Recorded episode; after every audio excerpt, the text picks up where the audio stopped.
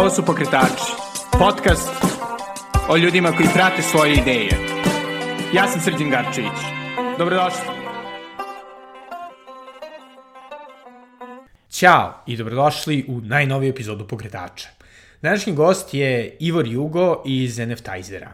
Sa Ivorom sam pričao o razvijajućem tržištu za NFT-eve, o tome kako bi mogao da postanem kripto milioner ukoliko bi pokretače pretvorio u NFT, e, kao i o raznim drugim temama vezanim za kripto, o regulaciji, o e, raznim prevarama, o raznim potencijalima što finansijskim, što naravno društvenim, koje kripto i blockchain donose, kao i o njegovom putu do NFT-izera, o tome kako izgleda biti programer u tom svetu i naravno e, biti jedan od preduzetnika koji promovišu ove nove koncepte i mogućnosti.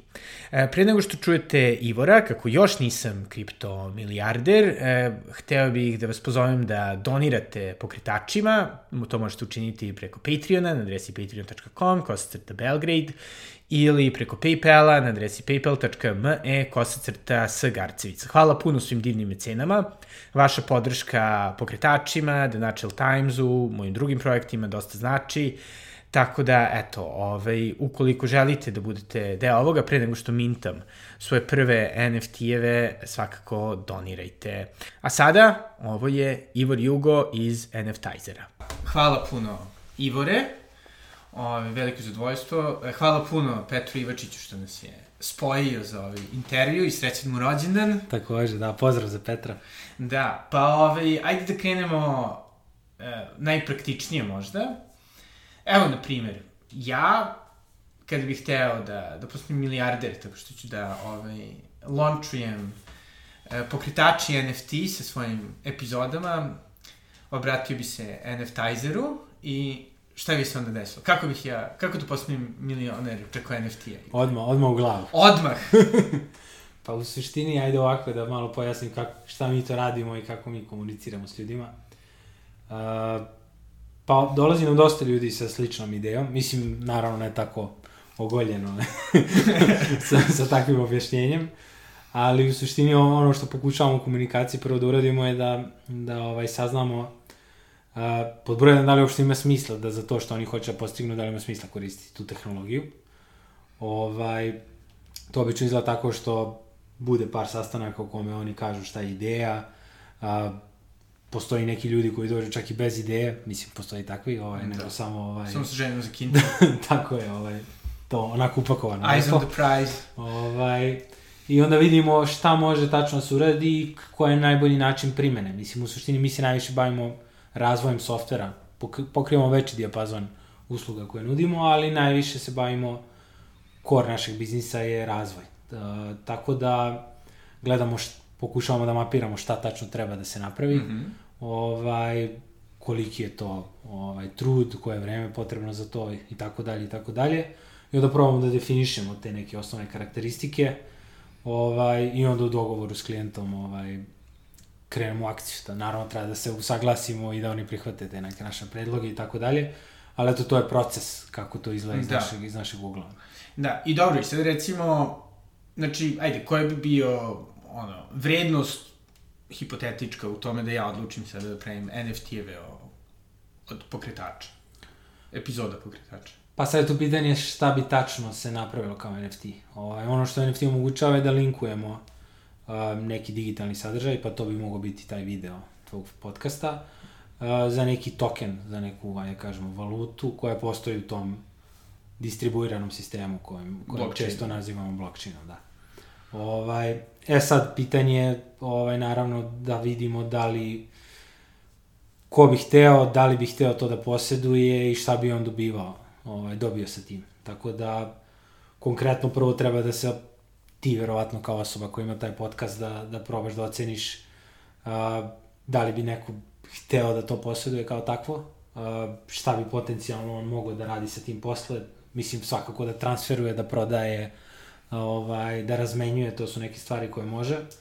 Ovaj, naravno, ako su neki tvoji slušalci, fanovi, uh, vezani, to jest imaju ovaj, jako ljubav, veliku ljubav prema tvom, tvom podcastu, onda to samo po sebi može biti dovoljno da neko želi da ima ovaj, taj digitalni zapis o, da. o vlasništvu uh, te neke epizode podcasta ili možda i neki drugi, ne mora biti epizoda, može biti bilo šta.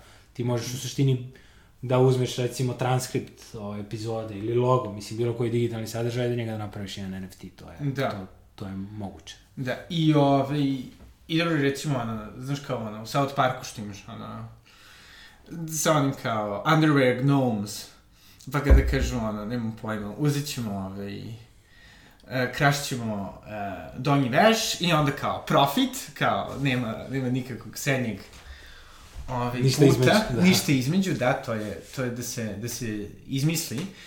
Ali ovaj, znači, suštinski, naravno, ono, ako bih hteo, jeli, da se obogatim, trebalo bi da postoji neko tržište ljudi koji bi to hteli da kupe. Definitivno, da. E sada, kada bi oni kupili hipotetički NFT, jeli, SoundCloud snimka moje epizode, oni i dalje ne bi imali kontrolu nad tom epizodom. Ili bi? Pa ne, ne. Ne bi imali, imaju samo samo taj zapis o vlasništvu sa kojim oni mogu dalje da idu. Oni da u suštini nemaju, da, oni nemaju čak ni nikakva autorska prava. Ti bi mogao potencijalno, ta, ta tema je dosta zanimljiva oko ono, licenciranje toga šta ti sa pravne strane dobijaš kroz kupovinu NFT-a.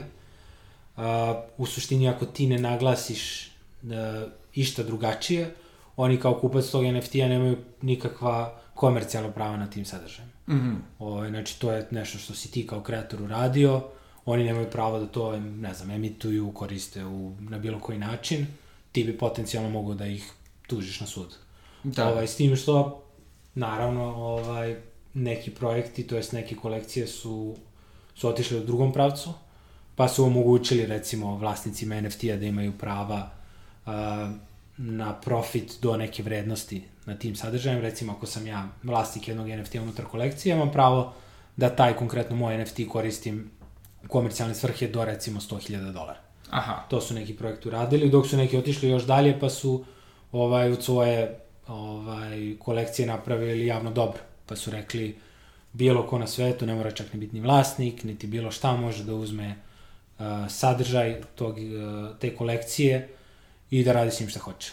Da. To je da. nešto slično kao što se recimo dešava sa nekim delima posle nekog određenog broja godina, kao što se recimo sa Šekspirova dela, javno, javno dobro, pa može svako da ih koristi.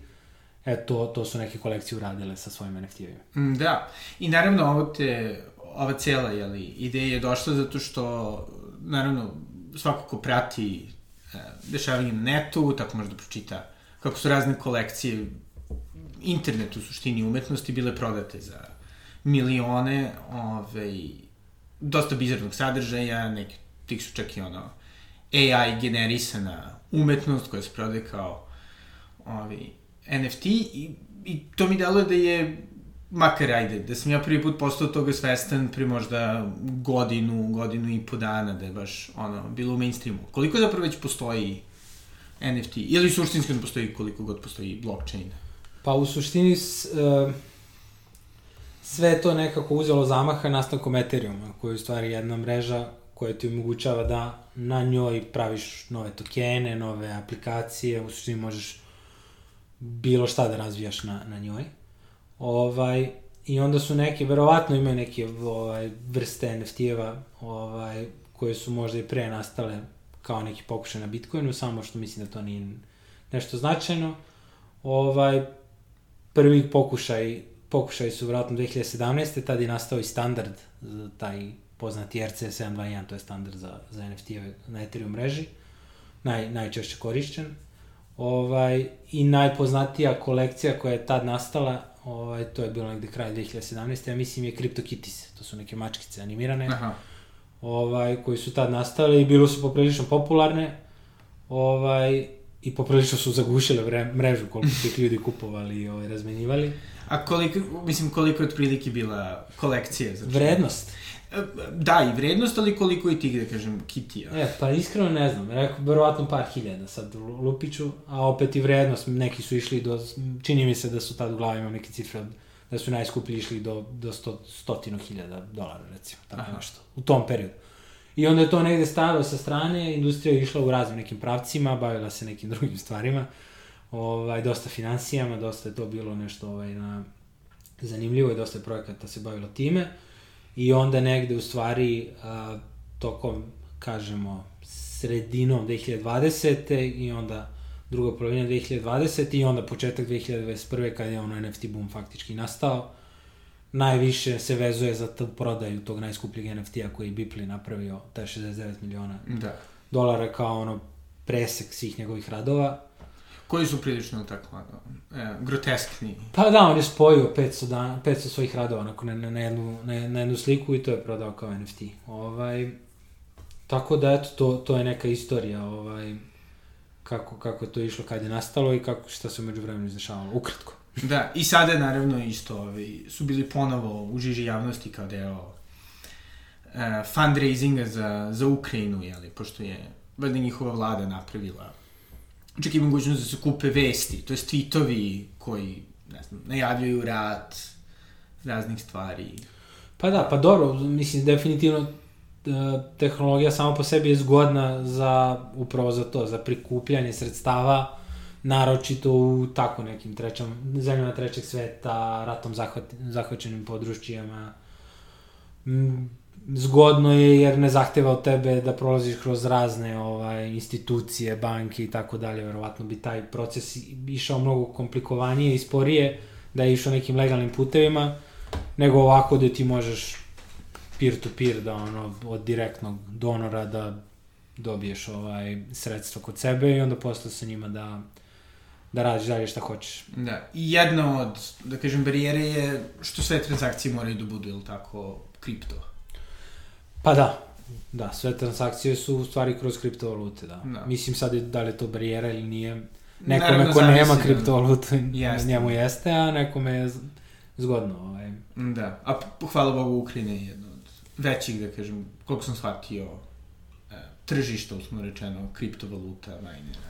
Pa moguće, da, vrlo moguće. Mislim, inače IT scena u Ukrajini je dosta živa i oni su dosta ovaj, zastupljeni u raznim ovaj, projektima i ono, firmama, tako da verujem da je slična stvar i sa, i sa ovaj, u kripto svetu. Da, i sada ovaj, jedan od jedan od razloga zašto nas je Petar spojio je što je ali NFTizer imao vrlo zanimljiv događaj pre možda mesec, mesec i po dana ovaj, u No Concept galeriji u kome je objašnjavao ste objašnjavali, to jest ovaj, razne benefite NFT-a, pogotovo za domaće, što umetničko, što je, ali, pretpostavljam, šire tržište i kako to izgleda u Srbiji. Pa da, mislim, bilo je zanimljivo svakako. Ovaj, mislim, zanimljivo je što je čak i među ljudima koji su u industriji postoje dosta različiti pogledi. Ovaj, to je ono što, ovaj, što sam ti možda ispomenuo ranije. Kako industrija sama, ljudi koji se bave ovim svaki dan i oni nisu sigurni šta je ovaj šta je ono tačna najbolja primjena ili nešto što ono na prvu može očigledno da se kaže ok, ovo je zašto se koristi NFT, ovo je najbolja primjena, nego i dalje se tu traži od raznih ovaj struka, raznih sektora, ljudi pokušavaju da nađu primjenu i da vide kako to njima najviše ovaj ima smisla. Uh, a opet s druge strane i gostima, znači to je bilo među predavačima, a opet i među gostima je ovaj naravno postoji ono velika zainteresovanost, što je super, ljudi su ovaj zanimljivo im je to sve, zanima ih, naročito onima kojima to može direktnu korist doneti u poslovanju, recimo umetnicima, da lakše mogu da ovaj, distribuiraju, da prodaju svoje radove, da ne, u neku ovaj direktniju komunikaciju dođu sa svojim ovaj fanovima, ljubiteljima, kako god Kolekcionarima. kolekcionarima, da, ovaj, mogu da recimo a, iz tog nekog njihovog a, načina kako oni prodaju mogu da izbace tog middlemana osoba. Galeristu, da. Pa, galeristu ili ko je to već, ni- nisam ja ovaj, nešto mnogo u toj, u toj branši pa ne znam kako izgleda, izgleda tačan proces, ali donosim neke, potencijalno neke dobiti. A, međutim, njihov utisak, ja bar u priči sa svim tim ovaj, umetnicima, je bilo da je pod broj jedan dosta ovaj, im je kompleksno da uopšte krenu sve to. Zahteva od njih mnogo ovaj, istraživanja, da shvate neke koncepte, naročito ljudi koji nisu toliko, aj kažem, digitalno pismeni, u smislu nisu toliko za kompjuterom, što je um, za umetnike očekivati neki koji su možda stariji, kojima to ne ide baš od ruke. ovaj, to njih zahteva dosta truda, ovaj, a opet iz druge strane ulaze u jedan svet gde je ogroman ovaj, da kažemo konkurencija, u smislu možda ne kroz vrednost tog umetničkog dela, ali kroz broja NFT-eva, broja kolekcija, broja ljudi koji ih ovaj, kreira, koji ih stavlja na prodaju, gde onda u stvari udaraju jedan zid kako ja uopšte tu da budem primećen među milionima ovaj, ljudi koji isto to hoće da urade. Tako da, eto, dosta je bilo pitanja, a, dosta je bilo ovaj, priče isto kako, kako bi mogle biti neke dodatne primene, ovaj, ali eto, bilo je zanimljivo. da, i, ali dobro, ali svakako ono, ima par svakako naših umetnika za koje sam ja čuo, da primjer Vladimir Lalić, Daniel Glid, Tako. koji su, jeli, launchovali NFT-eve, Lalić je otprilike naših godina, Glid je već iskusniji ovaj, umetnik. Um, ali, ono, koje su još bile primjene u kojima si ti bio, da kažem, Vezano za tu konferenciju ili uopšte? Mislim, inače, da, za, za, da. kažem, za NFT, ovaj, pejzaž u, u Srbiji. A vezano za Srbiju, da? Da, da, da. da. Ovaj, pa dobro, da, mislim, uh, ono što je zanimljivo, mi smo recimo, čisto da dam jednu digresiju, da. mi smo od 2017. ajde kažu, od kad sam ja u ovoj industriji, mislim da je 99% projekata koje smo radili bilo je za strane klijente i tek sa pojavom NFT-eva je došlo do ovaj, velikog većeg interesovanja domaćih nekih projekata da se da, da uđe u taj svet. Ovo, što je super, mislim, zanimljivo je, mi smo da. u, u, radi da popričamo, da se konsultujemo ovaj, ljude, da, da damo neki svoj ovaj, predlog i da poslušamo šta ljudi, ovaj, ideje, ideje od ljudi. Ovaj, neke primene kod nas su bile, ovaj, radili smo recimo jedan zanimljiv projekat sa jednim modnim kreatorom ovaj, pod imenom Mihano Momosa, gde smo pravili modele za VR svet, za metaverse, ovaj, gde se koristi NFT-evi, pa su ti modeli njegovih haljina i naučara ovaj, napravljeni, izmintovani, to je reč za kreiranje NFT-eva, mintovanje, izmintovani kao NFT-evi uh, i učestvovali su u okviru Fashion Weeka koji je bio organizovan u tom svetu tog poslednjeg vikenda marta. Ovaj, onda su stavljeni listovani na, na prodaju, na aukciju. Tako da, eto, to je bila jedna zanimljiva akcija da, bila je ta izložba, ovaj, to sa nam konceptom. Možda vredi pomenuti, ne znam da li jesmo, da je pored te konferencije jednodnevne koja je tad bila, da je bila izložba sa mogućnost, e, sa aukcijom sa oko 40 radova raznih umetnika iz domaćih iz regiona. Ovaj, tu je recimo bilo, su bili radovi i, i Vladimira Lalića i tako dalje. Ovaj, to, planiramo još neke projekte sa, sa domaćom serijom, ovaj, to je u planu, vidjet ćemo šta će biti s tim, isto da se, da se potencijalno neki delovi njihovog sadržaja naprave kao NFT-evi ili tako dalje, vidjet ćemo. Pričali smo isto sa jednim modnim magazinom da potencijalno se napravi neki NFT a, vezano za modnu industriju, da se tu formira jedna zajednica oko tih ljudi koji, koje to zanima. Tako da, eto, mahom to su neki, neki domaće stvari što smo radili. Ovaj, mislim, mi osim toga, svakako, konkretno mi u NFTizeru imamo jedan potpuno, potpuno odvojen track koji se bavi klijentskim stvarima i ono što sam spomenuo na početku, tim nekim uslugama za klijente. A takođe razmišljamo, to jest imamo u planu da krenemo sa našim proizvodom, napravili smo jedan mali tool, alat a, za nagrađivanje vlasnika NFT-evima, NFT-eva dodatnim NFT-evima ili nekim dodatnim tokenima. Mm -hmm I isto razmišljamo opciji da izbacimo našu NFT kolekciju sa nekim posebnim karakteristikama koji su najviše fokusirane na, na finansijsku, na token ekonomiju. Aha. Znači, na, na, na finansijske mogućnosti koje, koje možda imaš sa tim NFT-ovima posle. Da.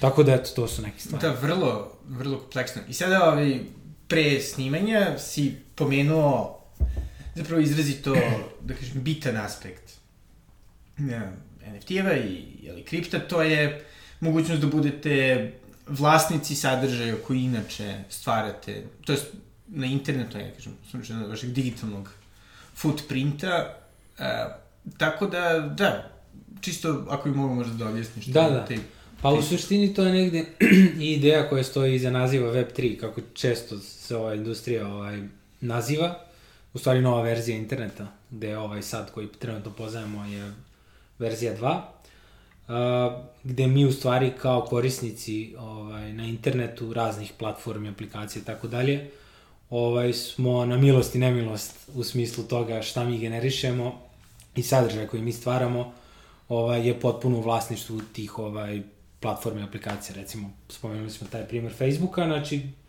većina ljudi zna da jedan Facebook najviše zarađuje od toga šta ti kao user, kao korisnik ovaj, generišeš i onda on to uzima pa prodaje dalje raznim marketinškim agencijama, političkim strankama i tako dalje. Potencijalno kroz ovu tehnologiju, što naravno i dalje dosta ono, u začetku zahteva još dosta razvoja, infrastrukture, raznih problema vezano za performansi i tako dalje, ali potencijalno ovaj, omogućava krajnjem korisniku da u stvari on bude vlasnik toga što, što, ovaj, što proizvede, što, ovaj, što njegova interakcija sa tim, svim tim stvarima ovaj, napravi. Što je dosta kao ideja, ovaj, mislim da je korisno, da je ovaj, dosta i uh, u suštini lepa ideja da, da, da. Ovaj, da, da omogućava nama da postanemo, da imamo u našim rukama a, mogućnost da, da s tim radimo šta hoćemo. Da li u krajnjem slučaju da možda i mi preprodamo ili da samo sačuvamo za sebe i ne damo nikome, ovaj, to ćemo videti kako će da. ljudi najradije koristiti. Uh, ali eto, to, to, to je neki interesantan pravac koji nadam se da će, da će uspeti da zaživi. Da, znači u nekom ono, utopijskom smislu što god da napišemo, napravimo, okačimo, bi bilo ono mintovano automatski Jel tako? Na, pa sad na kako... stvari i onda da, da, da ti možeš da odlučiš, ok, kao ja ću da, da prodam, da podelim ili ne. Pa sad tehnička izgleda toga verovatno ne bi baš ne tako moguće. izgledala, nego bi samo stvar bila da ovaj, to što mi kao, mislim sad je to stvar kako mi kao korisnik smo predstavljeni tom sistemu, trenutno je to tako što smo mi jedna ovaj, jedan rekord u toj bazi koja je na njihovim, na njihovim serverima. Ovde bi potencijalno taj rekord ne bi bio kod njih ovaj, na da, njihovim da, serverima, nego bi bio decentralizovano. I onda bi vremenom ja kao taj korisnik sve to što uradim, generišem i tako dalje bi raslo kroz taj moj NFT. Verovatno bi ja kao korisnik bio NFT, pa bi onda on tu generisao razni sadržaj i onda potencijalno bi bilo omogućeno da preproda se, da se transferuje i tako dalje. Da, i što je isto dosta bitno, jeli, i za atribuciju, pošto dosta ljudi se uvek žali, ja, ukrali su jednu fotografiju, ovo, ono. Da, s tim, što, da, s tim što je teško tu podvući tačnu liniju o, između toga a, šta bi bilo, pošto ti, ti u stvari jedne dve, dva sistema sad pokušavaš da ukombineš. Imaš sistem trenutnog interneta koji tako funkcioniše, ovaj, sa ono, na cloud serverima, regularnim Amazon, Google i tako dalje.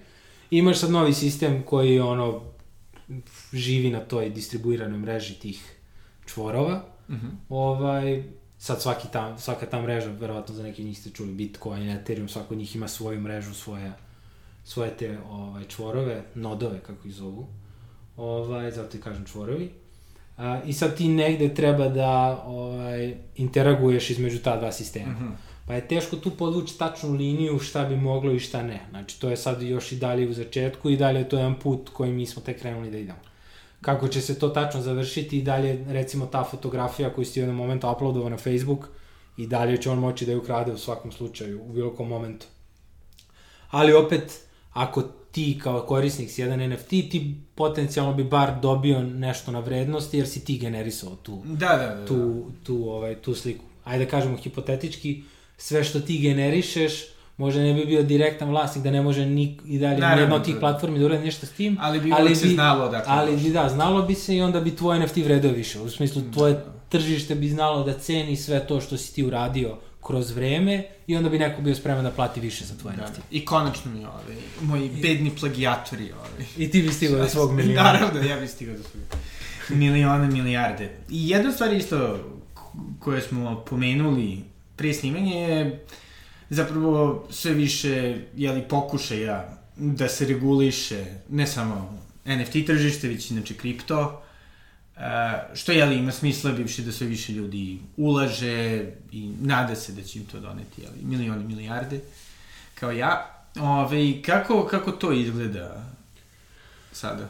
Pa, pa, izgleda tako što imaš razne tamo skupove, seminare gde se okupljaju ljudi iz raznih regulatornih tela i pričaju o tome. Mislim, kako te informacije dolaze do mene. u suštini neke veće, e, neka veća regulacija koja se desila e, je bila svakako u Kini, mislim da je to bilo ono najpoznatiji slučaj, gde su zabranili mining ovaj, što je dosta, bio veliki udarac ovaj, za celu industriju, s obzirom da je ogroman broj ovaj, mining farmi bilo u, na tom prostoru, na toj teritoriji. Ovaj, to, to je bilo ono šta se desilo, planira se isto, očekuje se sada da će od ove Bidenove administracije da se desi ovaj, taj neki, nazovemo ga čuveni zakon vezano za kriptoregulaciju, to je nešto što je, što je u najavi. Ovaj, za sad je dosta neregulisano, definitivno, uh, što na kraju krajeva, a konkretno pričam za, za, a pričaš prvo za mene kao deo, deo jedne firme koja se bavi time, ovaj, što i nije dobro, nama bi značilo kao ono kompanija koja se bavi time da imamo ono, ono pravila igre po kojim se igra, da se zna tačno. Ovaj, nama bi regulacija u stvari verovatno kao biznisu i donela uh, dobre stvari.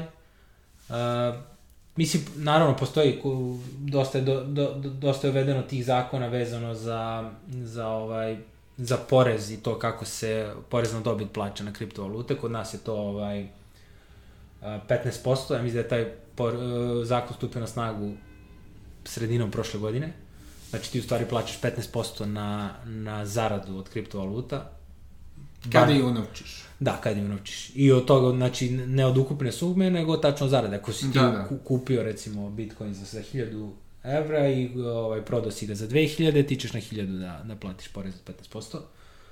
Ovaj, što je korektan zakon, neki su ovaj, u, na, u zapadnom svetu su dosta, ovaj, mislim, strožije te, to jest ve, veći, veći su ti procenti, ovaj, naravno neke države su išli sa nekim ovaj, više kripto-friendly zakonima, um, ali eto to, ma, sad, sad smo malo skočili s teme, ali ovaj, na, nama kao firme bi to bilo dobro, meni kao pojedincu u smislu uh, vezano za samu ideju ovaj, šta su kriptovalute i, i, i, ovaj, i ta decentralizacija, verovatno mi to nešto, ne, nije nešto najmilije, da. ali sam svestan toga da prosto ovaj, od tolike ono, adopcije, toliko korišćenja, toliko ovaj, firmi i kompanija koje se bave time, prosto mora da se dođe od toga. Tako da, I mislim da je dobra stvar. Eto. Da, da. Dobro, pošto ono, da tehno, crtu, da. tehno-utopistički, libertarijanski argumenti, ali da zapravo cela pa ta jeste, ideja da. toga da bude samo regulišući.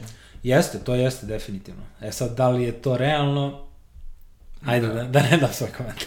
A pa dobro, da, da, da. Da, da pošto ono, jeli, pored tih, e, da kažem, cool priča o, ne znam, prodatim stvarima za 600 miliona i to isto tako bilo dosta priča o ukradenim voletima, da, zeznutim da. kolekcijama, skoro je valjda isto oni prvi, e, da li tweet na Twitteru ili nešto što je bilo prodato, ne znam, za za neku veliku sumu, nije moglo da se preproda za... Da, ali dobro, tu, da. tu nije bilo nikakve prevare. Naravno, da, da, da, da. To je samo... Ali samo su, da, možda da. očekivanja da. kao u svim investicijama. Da, da, da.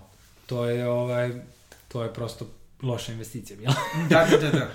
ovaj, niko, niko tu nikog nije prevario, u suštini. Konkretno za taj primjer, ali definitivno ogroman da. broj skemova, ogroman broj hakerskih napada ovaj, gde ljudi ostanu bez sredstava, to su sve neki problemi u industriji koji do nekle se dešavaju i zbog toga što, što nisu regulisane neke stvari. Sad je bio baš i ovaj neki, bilo je zanimljivo nama u regionu, mm -hmm. ovaj, neki isto tako skem je bio sa, sa nekim ovaj, kripto projektom koji su poveli četvorica likova iz Hrvatske. Pa A. malo smo mi kao Balkan. Na globalnom nivou. Da, da, na globalnom nivou. Ukrali su nekih 28 miliona. Ovaj, svaka čast, ne. momci. Šalimo se. Ne, ne. Nemojte to raditi. Ovaj, ali et, ovaj, ima, ima, da, ima dosta toga, definitivno. Da, da, pa cool, ovaj, svako sigurno da će biti neki Netflix dokumentarac. Dobro, Balkan je cool u korišćenju neta i oni makedonski, ono, fake news farme, to, tako da. Da, da. Svakako, ovaj, smo, ne, ono, da kažemo, na, na, na spearheadu inovacije, pošto... Da, Dobar, I, i sad, sad kad već koristimo ovaj, otrcane fraze, tipa spearhead, spearhead i te fore, čini mi se da, da možda ajde, pored te sigurnosti, e, to je nesigurnosti u, u celom, ovaj, u investicijama i svemu u kriptu, je druga stvar zato što meni kao, jeli, donekle ciniku deluje da ono, svaka velika kompanija kad ne zna šta će sa svojim ono, marketinškim budžetom se odluči ili da ubaci nekako ili nešto zeleno, ili AI, ili VR, ili naravno blockchain. Ove, Zašto se to dešava ili, ili naprave podcast? Pa, mislim, u suštini, konkretno u našoj industriji, definitivno postoji, ovaj, postoji jedan određen broj takvih projekata, ali ne, ne mogu da kažem da su svi. Ovaj, a, sad koji je to broj, teško je, teško je proceniti. Mislim, bio, negde sam izvukao, ovaj, to je bilo negde 2017-18, kad je bio taj kripto boom. Tada još. Ovaj, negde sam bila i neka informacija kao samo činjenica da dodaš reč blockchain u naziv svoje kompanije diže ono valuaciju za x. Da, da. Ovaj, što je bilo tad smešno, ali otprilike se tako to ovaj, i osjećalo u industriji. Uh, pa pazi, da, uh, definitivno sa NFT-evima recimo to kad pogledaš, uh, definitivno ogroman broj kompanija ovaj, kreće u svojim, u svojim brendovima da koriste NFT-eve. A, veliki broj njih ide logikom copy-paste ovog što je neko prvi uradio. Ovaj, što možda i ne mora biti loše, šta znam. Ovaj, na, na kraju krajeva tu je glavno pitanje šta će se desiti sa tim poslom. Znači, obično ljudi a, kada razmišljaju NFT kolekciji, oni gledaju tu inicijalnu prodaju pri, pri lansiranju i onda posle, ok, tu se skupilo x ovaj, novaca i negde ovaj, tu, tu oni sa tim završavaju, tu su dobili tu vest, informaciju i to je to. Ono što je najzemljivije šta će se raditi sa tim ljudima dalje. Jer ti u suštini kroz NFT-eve dobiješ razne mogućnosti uh, kako da animiraš te ljude, da stvaraš im neke dodatne mogućnosti, daješ im neke primene šta mogu da rade s tim NFT-em, povezuješ ih sa sobom kao brendom na neki viši nivo. Ovaj, to su sve stvari koje su vrlo zanimljive E sad je pitanje od svih tih brendova ko će ići u tom pravcu, ko će uraditi nešto novo, inovativno da. i kako će to da izgleda. Ili postoje neki primeri koje baš misliš da su dobri? Uh, pa postoje. Mislim, evo, slušao sam, bili smo na, na NFT konferenciji u Lisabonu pre tri nedelje i slušali smo ovaj, jednog lika iz Adidasa koji, mm -hmm. ovaj, koji baš vodio kod njih celu tu NFT priču Oni su dosta rano ušli u NFT-eve prvo kupovinom uh, Bored Ape-a, to je možda ne da, možda, da. nego trenutno naj, najskuplja, najvrednija NFT kolekcija na svetu. Uh, pa su onda isto ovaj, imali tu razne akcije u smislu predstavili svoj neki plan uh, kako da koriste NFT-evi, buk, bukvalno napravili od toga jednu stratešku ovaj, odluku da će imati ceo tim koji će se baviti time i tako dalje. I onda su napravili svoju NFT kolekciju od, ja mislim, 20.000 NFT-eva, nemoj me držati za reč. Ovaj, I on je baš pričao o tome, u smislu kako to izgledalo, koji su bili izazovi, kako komuniciraš sad tu sa potencijalnim kupcima, firmama s kojima treba da sarađuješ, sa različitim ovaj, sektorima unutar Adidasa s kojim gde treba da, ne znam, nešto im objasniš, edukuješ šta su NFT-evi, što mi to radimo i tako dalje, što je dosta zanimljivo bilo za slušati. Ali mi je ostalo ovaj, u pamćenju njegov zaključak kako oni su, on je tad rekao, mislim da su tada ovaj, podigli, to jest zaradili oko 26 miliona dolara od prodaje te kolekcije, što ovako možda zvuči pompezno, ali za, za jedan Adidas je to dosta ovaj, mala cifra. Znači, u suštini, oni verovatno da je to samo bio cilj po sebi, ne bi ni krenuli u tu akciju, a, zbog te količine novca, nego ono što je njima tu naj, najvrednije, to što su oni dobili sad jednu armiju 20.000 ovaj, fanova, s kojima oni sad kren, kreću na jedan novi put, šta će oni da dobijaju, kako će da, ovaj, oni stvaraju jedan odnos sa Adidasom koji će biti na nekom višem nivou, šta će iz svega toga izaći. Svaki od tih ljudi može u bilo kom trenutku da proda taj svoj NFT Adidasov, pa da neko drugi uđe u da. taj njihov svet, da kažemo nekih ekskluzivnih fanova i tako dalje i tako dalje. Tako da eto, vrlo je zanimljivo videti sad svaki od tih projekata šta će raditi da. dalje. Što se zvuči zapravo, ajde sad da se vratimo na ovaj plan bogaćenja, kao zapravo jedan od načina koji bi mogao da se ono disruptuje model, ne znam, Substacka, Patreona, gde bi ti ono hipotetički, ako sve mintuješ, mogao da da dobiješ novac i da imaš isto to, da kažem, lojalnu bazu pratilaca, fanova, kako god.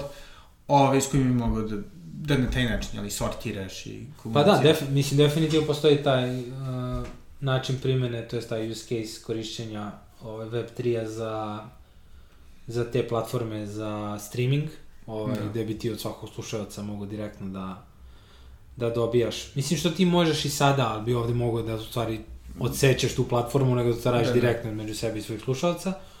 A isto je zanimljiv, ovaj, na primjer, to je bila dobra ovaj, jedna analiza tržišta gde su uzeli neki ovaj, muzičare mahom, Mhm. jer su dosta ovaj, aktivnije ovaj, te platforme za, za streamovanje muzike, pa tačno vidiš koliko si mogao kroz Spotify i tako dalje Da, da.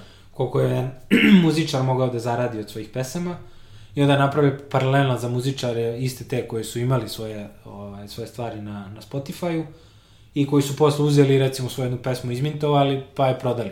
Mhm. I onda ti vidiš da su oni recimo za neku pesmu koja je bila ok, popularna, ono, možda i najpopularnija među njegovim kroz tri godine recimo je dobio X novca od ovaj od Spotify-a dok je za novu neku pesmu koju izbacio, izmintovo i prodao, dobio pet puta više, samo Da. što je prodao kao NFT.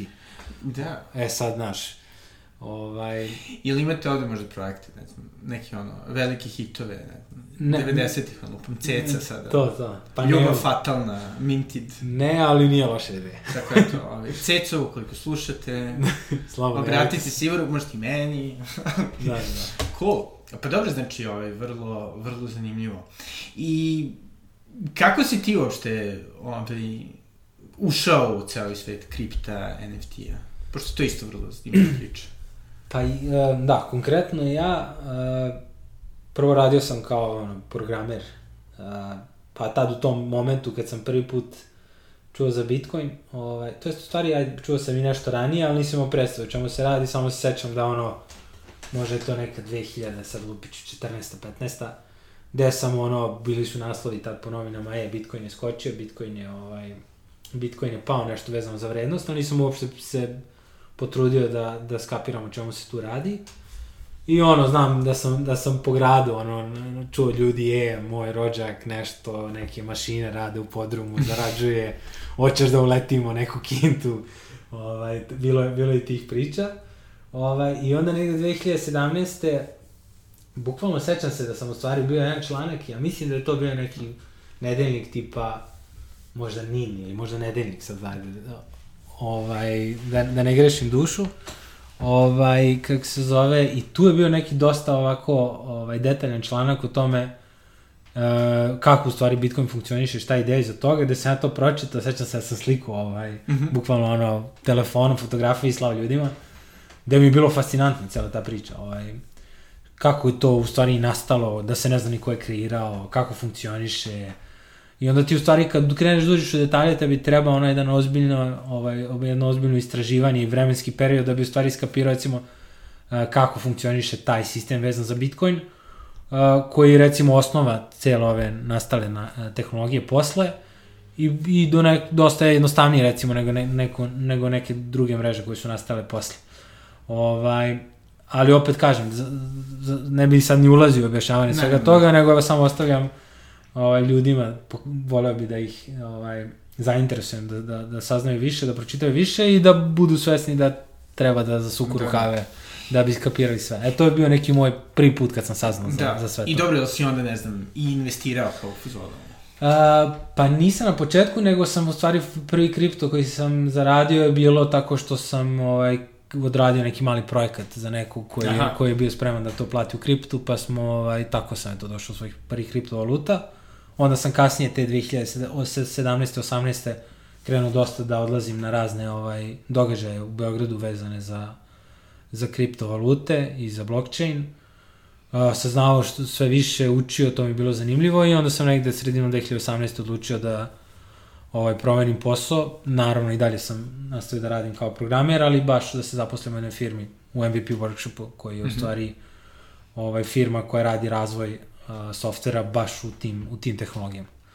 Tako da, eto, ta, to je u stvari bio možda i najbitniji moment gde sam u stvari krenuo da svakodnevno radim ovaj, na, na takvim projektima, okružen ljudima koji se time bave i onda mislim to je potpuno naš Da. da. drugi način ovaj, kako saznaješ nove stvari i istražuješ tako dalje. I koliko ti je pomoglo, uh, da kažemo, u održavanju interesovanja za posao, sama činjenica da si ono bio, da kažem, i, i finansijski Ej, povezan za... Za jeste, kripto? da, to je dosta interesantno. Mislim, ovo je dosta mlada industrija i dosta bukvalno jedan svet za sebe i zahteva od tebe, mislim, naravno ti možeš da radiš svoj posao, ti si ekspert u nečemu, znaš da programiraš, znaš da dizajniraš i ti možeš to relativno, mislim, dobro da radiš, ovaj, ali ovde zahteva definitivno, pošto je mnogo novo i konstantno se menja i stvarno je ovaj, ogroman broj projekata, velike su oscilacije na, ono, na tržištu, konstantno dolazi no, novi, ovaj, nove investicije i nove, nove tehnologije u ovom svetu.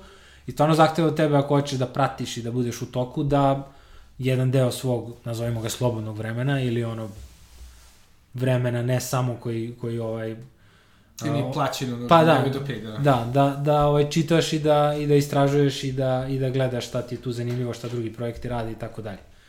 Ovaj, tako da definitivno kad ti uzmeš, mislim tebi je prva ova stvar kad kupiš neke kriptovalute, kreneš da razmišljaš, ok, ima ih sad hiljade i hiljade, ajde da vidim, znaš, daj da kupim još neku da probam, znaš, da, da. da imam samo najpoznatiju, aj tako da kažem, ili naj, naj ovaj, korišćeniju. I onda ti polako kreneš tu da grebeš, da vidiš čime se ljudi bave, koji su projekti, šta oni rade, zašto služi token u celom to njihovom sistemu.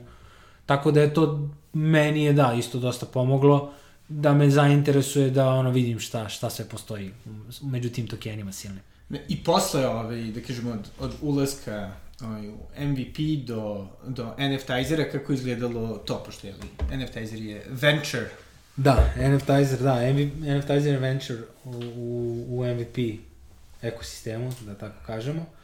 Uh, MVP je negde pre godinu dana odlučio da malo promeni koncept kojim posluje i da postane venture builder, u stvari da probamo da to objasnimo na, na srpskom. Znači, to je u stvari jedna platforma, uh, framework, kako god, firma, koja uh, pomaže novim firmama, novim večerima da, da nastanu unutar nje. Ovaj, na, na sličnim temama. Pa da, ovaj, mi, mi kon, konkretno NFTizer, ovaj, naravno uzme se neka niša ili neki, neki deo tehnologije koji je zanimljiv na šta bi moglo da se fokusira.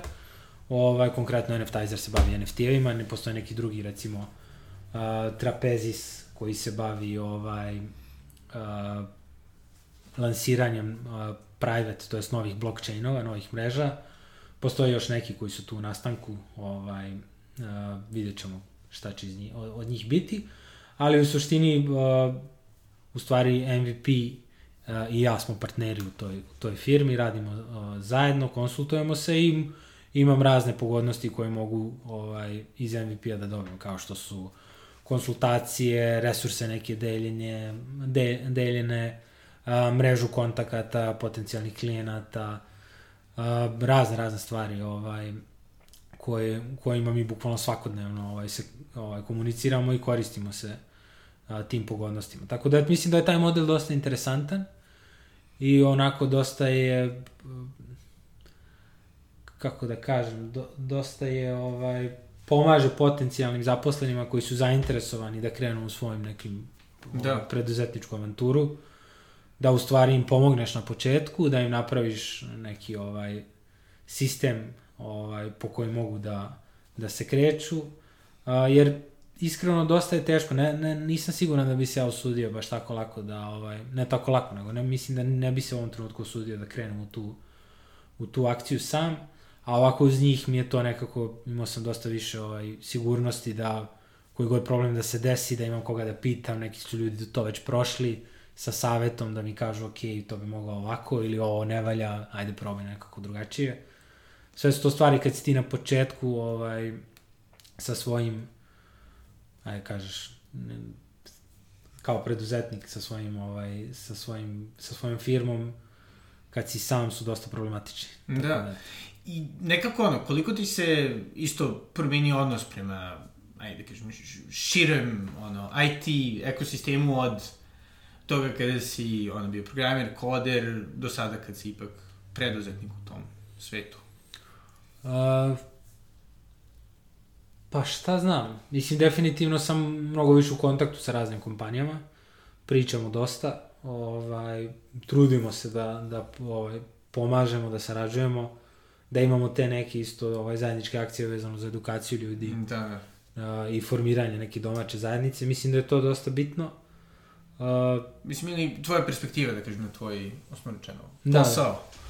Mislim, ono, jel, ti, ono, uzbudljivije sada kad si preduzetnik ili A. više... Pa to jeste, meni, kod me, meni lično da, zanim, zanimljivije definitivno, ja sam i dok sam radio, ovaj, mislim imao sam taj, možda bitno spomenuti taj moment što sam ja pre negde dve godine prestao da, da programiram, da kažem tako, ovaj, promenio sam do nekle i onu profesiju i bavio sam se više uh, prodajom naših usluga potencijalnim klijentima, mislim kao tehničko lice, da kažem, u tim, u tim razgovorima, ovaj, isto donekle marketingom, biznis delom, ovaj, a, tako da sam tu došao do nekih saznanja kako izgleda ceo taj proces, kako šta mi predstavljamo klijentu, a, šta se tu priča, koja su pitanja, koje su ideje, šta ljudi nude i tako dalje. Ovaj, tako da je to bio neki moment koji je meni bio dosta bitan ovaj, da, da, da ono, uradim taj switch, da pređem više u biznis deo nego, nego u, sam, u samu izvedbu i u samu inženjeriju. Uh, I da, meni je to prijalo, da, meni je realno za- zanimljivije mi ovako. Ovaj, Da. Jeste da je dosta onako, uh, ne mogu da kažem napornije, ali onako dosta, ima negde sam gledao ili neko, neko držao predavanje kod nas navezano za tu temu, kako izgleda recimo radni dan ovaj, inženjera i kako izgleda menadžera. Pa u Aha. smislu kako inženjeru u stvari je mnogo bitno da ima taj neki uh, veći ovaj, time slot, neki period vremena a, u kom će da se fokusira na nešto 2-3 sata da može da uđe u dubinu problema i da ga reši. I da recimo bi mu prijalo da ima recimo 2-3 takva dnevno, recimo 2 po 3 sata, da on uđe u nešto, fokusira se 3 sata radi bez prestanka, uđe, ono, uradi par koraka, dođe do nečeg to reši to je to. Dok menadžer njemu su mnogo bolji ti čankovi od pola sata, znaš, da ono, uzmem, odgovorim na mail, ono, uzmem nešto, ispišem neki, šta god, ono, neku ideju, ispišem na papir, popričam s nekim sastanak pola sata, ovaj, tako da ti realno ti menja malo kako ti izgleda radni dan, a, taj prelazak od, od e, inženjerije u, u biznis svet. Ali mislim da mene lično, mom afinitetu, ovo mi, ovo mi više prija.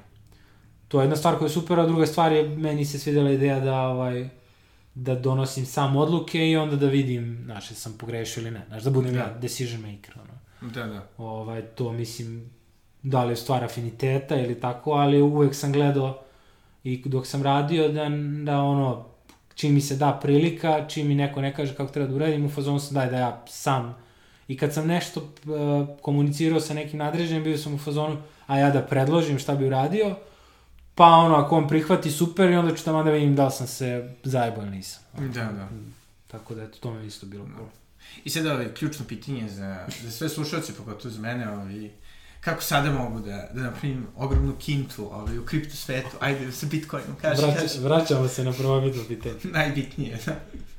Pa, ajde, mislim, ovako kad me pitaš, mo, mislim, moj sam, mada ne bi volio tu da savjetujem ništa, ali svakako, mislim, ja verujem, definitivno, ne bi se ni bavio ovim, da ne verujem u ovu tehnologiju i na, i uopšte kripto, kriptovalute kao ideju.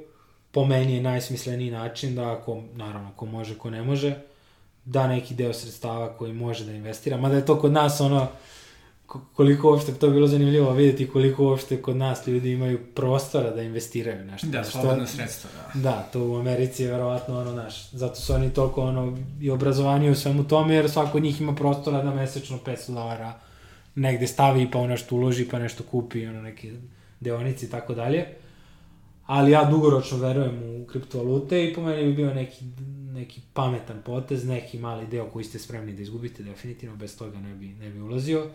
Da odvajate, sad da sukcesivno iz meseca u mesec ili skupite nešto i da dugoročno, znači ja bi, kad bi sad ulazio u kripto, ja bi gledao da je to nešto investicija u neki od ovih najpoznatijih ovaj, valuta, koje su manje rizične i da je to neka investicija koja treba bude dugoročna na period od 5 godina i da onda ja tad to što sam ostavljao sa strane ovaj, će da vredi više nego što, da sam ga držao u dinaru, dolaru i tako dalje. Da. Naročito s ovim inflacijama trenutnim i tako dalje. Eto, ja bih svakako gledao, Da. znači ispod 5 godina ne bi, ne bi kretao. tog horizonta, da. Ili naravno, ovaj, u, nadam se, uskoro mintovane ovaj, pokretači NFT-eve. To je E, da, dobro. Sigurno da.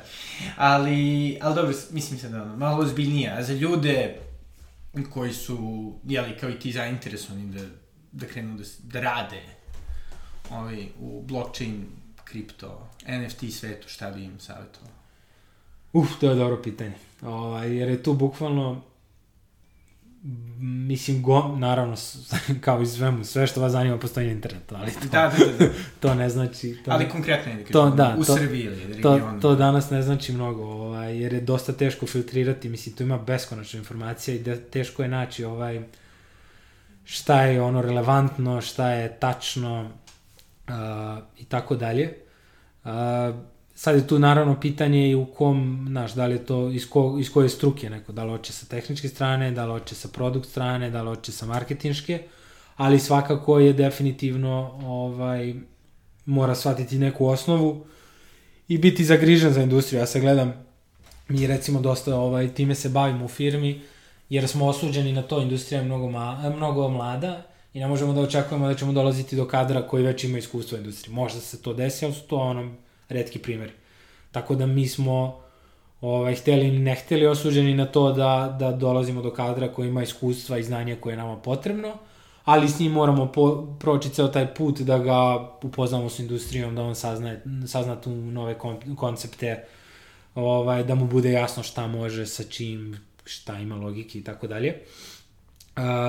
Tako da je to definitivno jedan put koji je, nije lak. Ovaj, mislim da je dobra osnova, mislim da je tu ključna stvar u stvari, kako ja gledam neke ljude koji dolaze u firmu, je to kad nekog ono ovaj, vozi, da, znaš, to, to, to što ta industrija, to je ta tehnologija, u smislu da, da mu ideja samo po sebi, da mu se sviđa i da mu donosi ono neku, nešto dodatno, što nije samo direktno korist u smislu zarade, bonusa, šta god, da. a, napredovanja ono, u, u poziciji, nego da je to nešto što ta tehnologija nudi, da je to nešto što se njemu kao Sviđa. socijalno biće mu se sviđa, da ono da mi kao društvo to imamo, to imamo ovaj u, u kod sebe. Tako da eto ja bih krenuo kao potpuni laik, ovaj to što smo ispomenuli, ono da da skapiram uh, bukvalno od Bitcoina kako funkcioniše taj taj sistem, šta on donosi, ovaj pa onda od toga bi dalje nastavio da da nadograđujem redom. Da, i ovaj, pomenuo si isto da postoji sada novi sjajni podcast koji se bavi Web 3.0, koji ti Da, zove se, povremeno vodiš.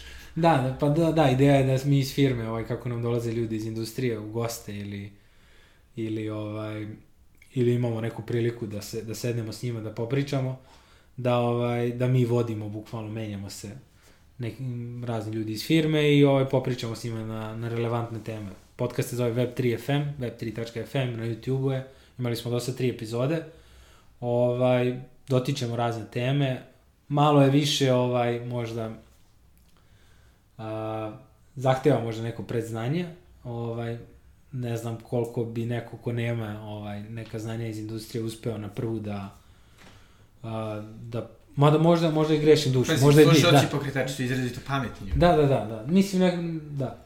Tako da definitivno bacite pogled, pogledajte, ovaj, mislim da ima zanimljivo sadržaje. Super. Jel postoji još nešto što bih te ovaj, da promovišeš? Da planiramo neku, da kažemo, ne, neku mini konferenciju, ili možemo nazvati konferenciju tamo negde na jesen, koja će se baviti ovaj, Web3 industrijom. To će možda trajati 2-3 dana, to je neka ideja. Ovaj, još nemamo fin, finalizirano kad će to tačno se desi. Ovaj, I eto, ovaj, imamo taj, da, to je cool, taj Blokemon meetup, dobro sam se setio, to je nešto što se iz meseca u mesec dešava. Ovaj, ima ga, ja mislim, na, ima Telegram grupa Blokemon, ima ga, mislim, na, na ono, meetup.com, ili možda grešim, ali, mislim, ukucajte Blokemon, naćete sigurno ovaj neki, neki link.